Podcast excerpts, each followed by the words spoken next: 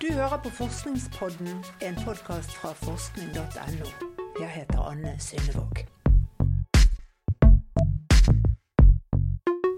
Her forleden så slapp forskerne ved universitetet i Oxford en mildt sagt oppsiktsvekkende studie. De har sett på tall om antatt smittede og døde av koronaviruset i Storbritannia og Italia, og lagt tallene inn i en modell som simulerer hvordan viruset mest sannsynlig sprer seg videre. Og et av resultatene deres er at opptil halvparten av alle briter allerede kan være smittet. Da snakker vi 33 millioner mennesker. Modellen forutsetter at koronaviruset kom til Storbritannia i midten av januar, og så spredte seg uoppdaget i nærmere seks uker uten at noen var klar over det. For ingen testet for koronavirus i denne perioden, hvis en person kom inn på sykehus med lungebetennelse f.eks. Hvis dette skulle stemme, betyr det at færre enn én promille, altså én av tusen, av de som blir smittet, blir så syke at de må på sykehus, sier Sunetra Gupta til avisen Financial Times.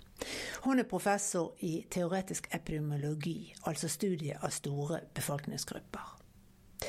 Og dette kan ha skjedd, mener hun, ved at det store flertallet av oss får ingen eller bare beskjedne symptomer av dette viruset. Sånn kan covid-19 ha gått under radaren i uke etter uke.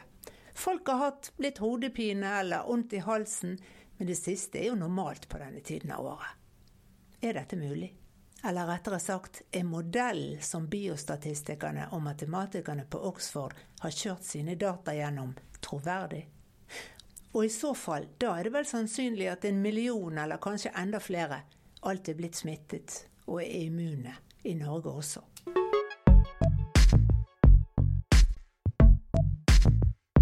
Jeg sendte originalartikkelen som forskerne i Oxford har skrevet, som naturlig nok ikke er kvalitetssikret av fagfeller i forkant.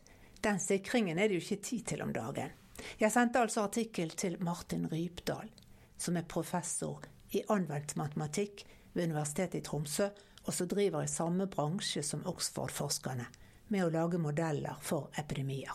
Hvis det stemmer eh, at den, den, studien her fra Oxford University er riktig, så betyr det ifølge deres egen modell da, at opptil 80% av befolkninga i Storbritannia vil være smitta av covid-19 eh, innen midten av april. Oi! Da har de jo oppnådd flokkimmunitet så det holder. Det høres jo ut som en god nyhet. Men jeg kan ta skammelig feil. For Oxford-forskerne opererer også med et anslag om at det ikke er en promille, men en prosent av alle smittede som blir alvorlig syke. De har en antakelse om at kanskje 1% av befolkninga er i risikogruppe for å utvikle alvorlig eh, sykdom, og at kanskje rundt én av sju av de som utvikler alvorlig sykdom, dør av det her. Så siden Storbritannia har en befolkning på, på rundt 66 millioner, så betyr det altså at de vil få over en halv million alvorlig syke, og over 75 000 mennesker vil kunne miste livet i løpet av en to-tre uker. Viruset vil slå inn som en tsunami, vil ha voldsomme konsekvenser i Storbritannia i løpet av de, de, de neste ukene. Det er worst case scenario der altså 1 og ikke en promille av de smittede blir alvorlig syke. Og hvis vi tenker en tilsvarende utvikling i Norge, så vil det bety at 40 000 blir alvorlig syke, og over 6000 dør. Så, så, hvis det her stemmer, så kommer denne flokkimmuniteten med en veldig høy pris. Hvis det stemmer, sier professor Martin Rypdal i Tromsø. Og så skynder han seg å legge til. Så heldigvis så, så tror jeg at det her ikke stemmer. Takk og pris. Men hvis dette er så feil, hvordan kan forskere ved et av verdens mest anerkjente universiteter, Oxford-universitetet, ta så feil? Men det er ikke noe feil med modellen. Dette er en enkel modell som ofte brukes for å forutse spredning av sykdommer, sier Tromsø-matematikeren. Det at den er enkel, betyr ikke at den er dårlig, men, men vi må være klar over hva denne modellen kan gjøre, og hva den ikke kan gjøre. Det er to forhold som Oxford-forskerne ikke tar høyde for, sier Rypdal. Og det gjelder enten det er en promille eller en prosent av smittede som blir alvorlig syke. For det første, de har ikke lagt inn i modellen de tiltakene som er satt i verk for å bremse smittespredningen. Så det de egentlig forteller oss om her, det er hva antall smittede kunne ha vært i befolkninga hvis sykdomsspredningen hadde vært fri. Og selv om britene drøyde lenge med å gå til inngripende smitteverntiltak, så ba de tross alt folk om å være nøye med håndvask, og de ba de som får symptomer om å isolere seg. Og det tror Rypdal har hatt en effekt. Det vi vet fra Kina er at relativt eh, små tiltak hadde relativt stor effekt tidlig i, i, fasen. Jeg tror ikke det er en riktig antakelse at, at sykdommen sprer seg på samme måte nå i, i mars i, i Storbritannia som den gjorde tidlig i januar. Og det, det, tror jeg er den store svakheten eh, med, den, med, den, studien. Den andre store svakheten ved Oxford-modellen er at den baserer seg på små tall. Tidlig i epidemien, når få mennesker var smittet. Og da er modellen ekstremt usikker. Og det gjelder, det gjelder, ikke bare denne modellen, det gjelder absolutt alle modeller. For legger du inn data i modellen i en tidlig fase av en epidemi, der kan ett tilfelle fra eller til gi enorme forskjeller. Det viste seg da Rypdal og kollega gjorde noen små endringer i antall dødsfall, og så kjørte Oxford-modellen på ny. Og Hvis vi går inn i modellen deres, for dette er en veldig enkel modell å sette opp, og så gjør vi små endringer i de dødstallene som de har brukt for å kalibrere modellen, så får vi helt andre resultater så det er veldig følsomt eh, for de dataene, fordi at det er veldig veldig tidlig i sykdomsspredninga. Det samme så vi i Kina. Men når man prøver å gjøre prediksjoner på et veldig tidlig tidspunkt i, i, eh, i Kina, så bommer man veldig kraftig. Og, og, når den var mer framskreden, at det var flere som var smitta, så begynte du å få sikrere og sikrere prediksjoner. Og Det samme gjelder her. Sånn at jeg, jeg, kan ikke si at resultatet her er galt, jeg bare tror at det er ekstremt usikkert. Og den usikkerheten burde de vært mer åpne om, mener Rypdal. Og jeg tror de underkommuniserer usikkerheten i, i sin egen studie. Men det finnes en annen modell fra forskere ved Imperial College i London. For en drøy uke siden så kom de med sin analyse av hvordan spredningen vil bli, avhengig av hvilke tiltak som settes inn. Og deres modell viser at det må kraftig lut til. Det er ikke nok å satse på å flate ut kurven og bremse spredningen hvis vi skal unngå å overbelaste helsesystemet fullstendig. Britiske myndigheter lyttet og strammet kraftig inn. Og norske myndigheter lyttet og endret målsetting. Nå går det ikke lenger for bare å bremse spredningen, de vil prøve å stoppe den. Og den kursendringen skyldes modellen fra matematikerne på Imperial College. Men hvor mye kan vi stole på den? I utgangspunktet så tror jeg ikke at det nødvendigvis er en bedre modell. Nei vel?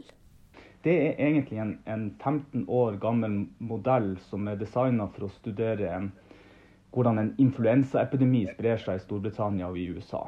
Og den er nå blitt omgjort til å studere eh, covid-19. Den er egentlig en samme type eh, modell. Den, den store forskjellen her, er at de ikke antar en sånn homogen befolkning. De, de, eh, de bruker virkelig data for befolkningstetthet, eh, størrelse på skole, antall elever på skoler, størrelse på arbeidsplasser, flytrafikk osv. Eh, for å, de prøver å beskrive hvor mange mennesker et enkelt menneske kommer i kontakt med med å bruke virkelige data. Så Dette gjør jo modellen mye mer kompleks, men man klarer naturligvis ikke å gjøre det her på en helt korrekt måte. Du kan prøve å se på effekten av ulike tiltak. For siden den, den, forteller noe om hvor mange kontakter en person har, helt eksplisitt, så kan du prøve å stenge skoler i en sånn modell. Altså du kan, du kan se på effekten. Men det er likevel ekstremt usikkert. Og om det her er, gir noe mer pålitelige resultater eller ikke, det, det vet jeg ikke. Men hvorfor er det ikke en bedre modell all den tid den tar høyde for at befolkningen er uensartet? At en pensjonist ikke omgås like mange som en skoleelev, eller at folk bor tettere i byer enn på landet, osv. I den mer komplekse modellen så prøver du å, å, å beskrive eh, hvordan folk eh, opptrer, hvordan hele samfunnet fungerer. Men du gjør feil, fordi det er så vanskelig. Men du vet ikke hvilke feil du gjør. Så du mister oversikt. Og, og det her vet vi veldig godt i, i modellering, at, at, det å lage en, en, en modell som tar, tar høyde for, for, faktorer som du vet er viktige faktorer, men som du ikke klarer å beskrive nøyaktig, det fører ikke nødvendigvis til at modellen blir bedre. For vi må huske på at i en tidlig fase av en epidemi så er ikke de matematiske modellene vi bruker spesielt mye bedre enn de dataene som vi bruker for å kalibrere dem. Sagt på en annen måte, for alle simuleringsmodeller gjelder regelen om at resultatet ikke er mer pålitelig enn tallgrunnlaget man har, og fòrer modellen med. Og så langt er det tallgrunnlaget for spinkelt og for usikkert. Vi har ikke noe tallgrunnlag i Norge nå for å si no noe som helst, uh, uansett hvilken av de modellene vi, uh, vi bruker der. Det her er som et, som et uh, værvarsel, og, du prøver å gjøre et værvarsel vel mer enn ti dager frem i tid, så, så, blir det ekstremt vanskelig. Og det er ikke fordi at man har gjort en dårlig jobb, det er bare fordi at det er vanskelig. Så det å spå forløpet til en epidemi veldig tidlig, det er det er nærmest umulig. Og så kommer prediksjonene til å bli bedre og bedre for hver eneste dag som går. For hver dag så får vi nye observasjoner inn, og vi kommer til å få sikrere og sikrere eh, prediksjoner. Men kan forskerne ved Oxford ha litt rett likevel? Er det mulig at mange flere har blitt smittet også i Norge, og at titusener allerede er blitt immune? Ja, altså hvis, de, hvis, de, eh, hvis, den, hvis de studien fra Oxford stemmer, så vil jo det naturligvis stemme også i Norge. Og da vil det være mange flere som går rundt i befolkninga og har vært smitta eller er smitta enn, en det vi tror. Men det her går jo an til å finne ut av. Og, og jeg, det poengteres jo også av, av den gruppa i, i Oxford at eh, ved å teste, så får vi svar på det her. Og den beste måten å få svar på hvor mange som er eller har vært smittet av covid-19, og hvor dødelig covid-19-viruset faktisk er, det er å teste for antistoffer i blodet. En liten dråpe blod fra fingeren kan avsløre om immunforsvaret har laget antistoffer mot covid-19. Britene har allerede sikret seg 3,5 millioner slike tester, og har mange flere i bestilling. Og planlegger å begynne massetesting allerede til uken. Og Det vil jo gi oss veldig mange svar og redusere mye av usikkerheten knytta til covid-19. Og det behøver ikke ta lang tid før de svarene begynner å komme. Vi venter i spenning, og det gjør sikkert forskerne på universitetet i Oxford og Imperial College også. Forskningspodden er laget med støtte fra Fritt Ord og forskning.no. Jeg heter Anne Sundevåg. Takk for at du hørte på.